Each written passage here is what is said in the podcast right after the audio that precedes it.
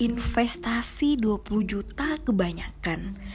Beli iPhone 20 juta nggak masalah. Sedekah ke panti asuhan 500 ribu per bulan kebanyakan. Makan di mall sama pacar 500 ribu per hari nggak masalah. Ikut majelis ilmu satu jam per hari ribet nggak ada waktu.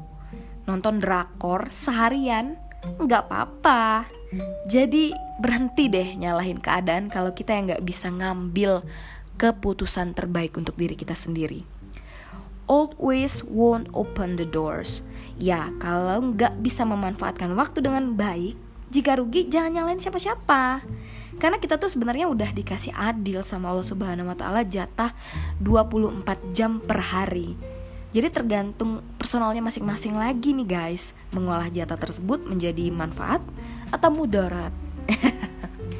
Assalamualaikum warahmatullahi wabarakatuh. Seneng banget nih malam ini masih ditemenin Casey di Hatik Mami Podcast. Let's learn and do it well Alhamdulillah banget ya Padahal hari ini tuh lagi hektik banget Lagi sibuk ngurusin pesenan sana sini.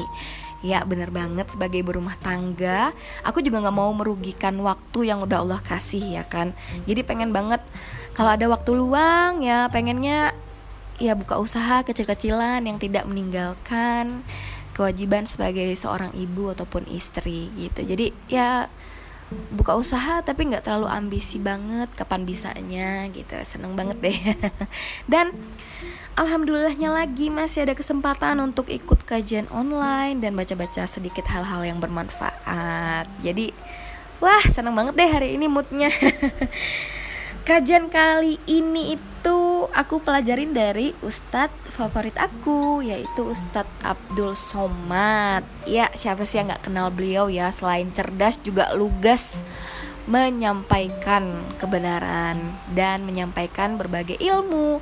Aku seneng banget kalau kalau dengar penjelasan beliau gitu. Selain tegas lugas ada sedikit bumbu-bumbu jokesnya gitu. Jadi wah keren banget deh. Sebenarnya sih aku suka juga. Dulunya tuh ustadz favorit aku sebelum ada ustadz Abdul Somad ini yaitu Ustadz Kiai Haji Zainuddin MZ Nah itu juga bagus banget tuh.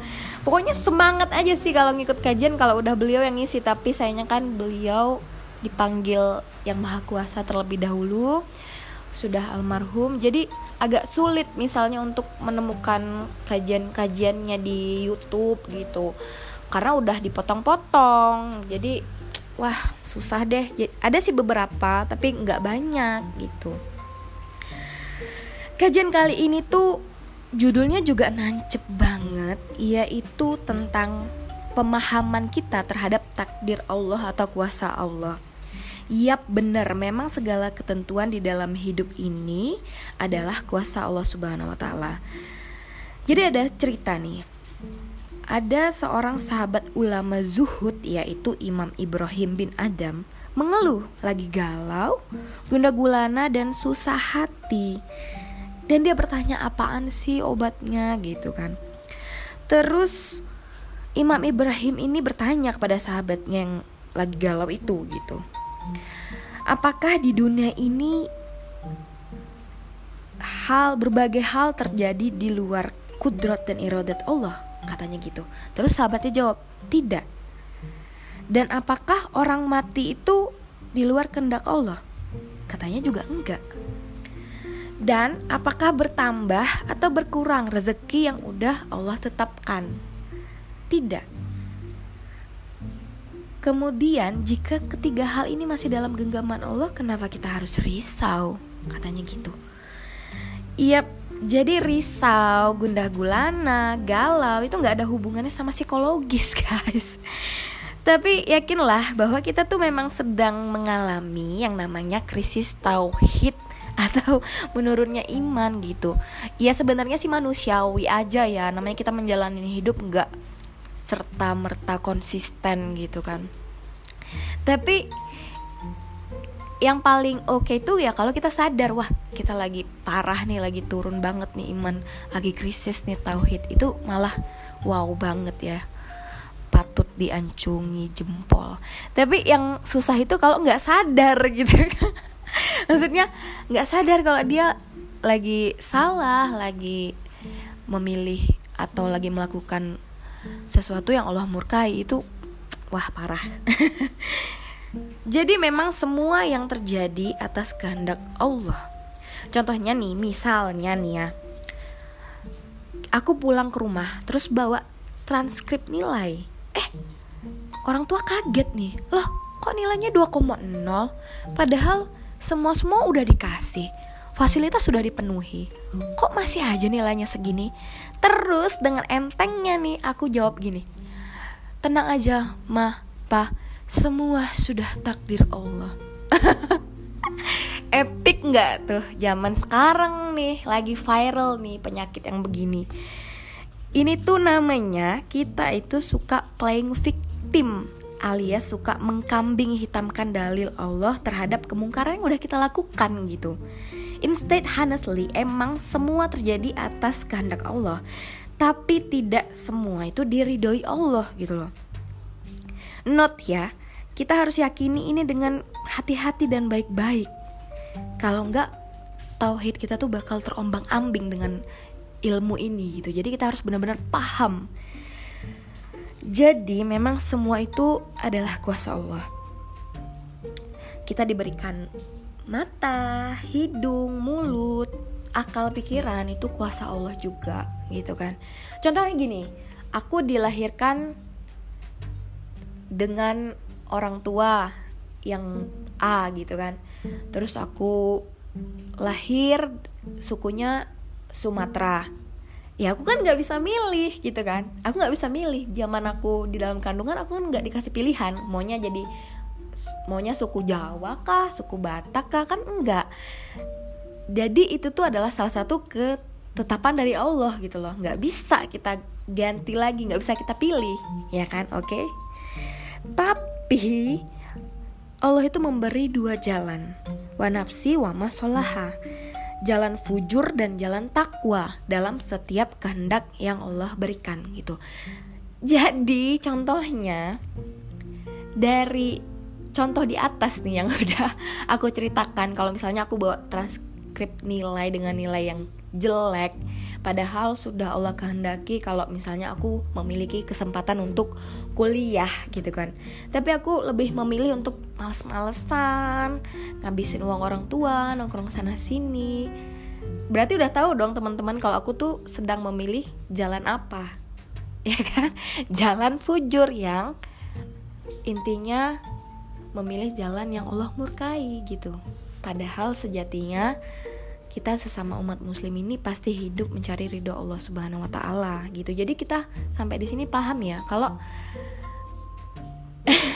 jangan sampai kemukaran yang udah kita lakukan itu kita nggak sadar malah kita mengkambing hitamkan dalil-dalil atau mengatasnamakan Allah atas hal-hal buruk yang udah kita lakukan. Contohnya aja nih kayak pacaran ya kan.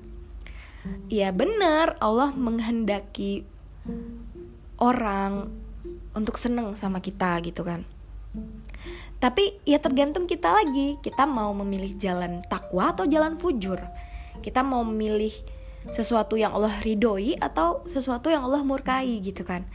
Kalau misalnya kita milih jalan fujur ya udah kita pacaran, kita jalani bertahun-tahun, kita menghabiskan waktu, terus tiba-tiba udah tahu namanya pacaran itu dalam agama kita juga diharamkan ya kan, diharamkan. Itu dalam agama kita.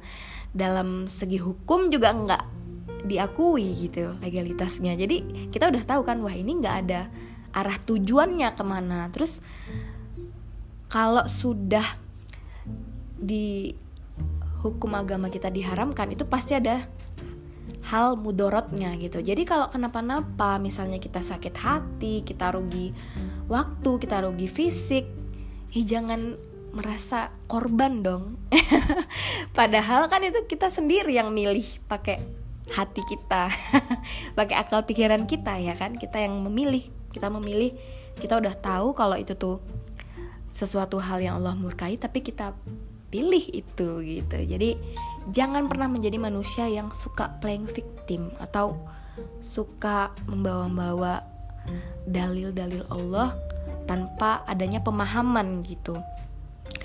Sekian limpahan ilmu kali ini, tidak ada berniat menggurui, hanya menjalani kewajiban sebagai muslimah yang baik yaitu menebarkan ilmu yang didapat. Semoga kita belajar tidak hanya simbolis ya, tetapi kita juga paham terhadap ilmu yang kita dapat gitu. Terima kasih selalu setia menemani aku, menemani malam-malam aku, malam-malam kegabutan aku.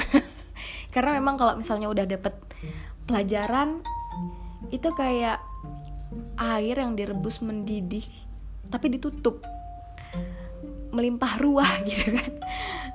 Jadi lebih plong, lebih enak itu dilimpahkan ke wadah yang tepat. Ya mudah-mudahan teman-teman bisa paham atas yang atas ilmu yang sudah aku sampaikan malam ini. Terima kasih, tetap jaga kesehatan dan jaga protokol kesehatan. Wassalamualaikum warahmatullahi wabarakatuh. Bye.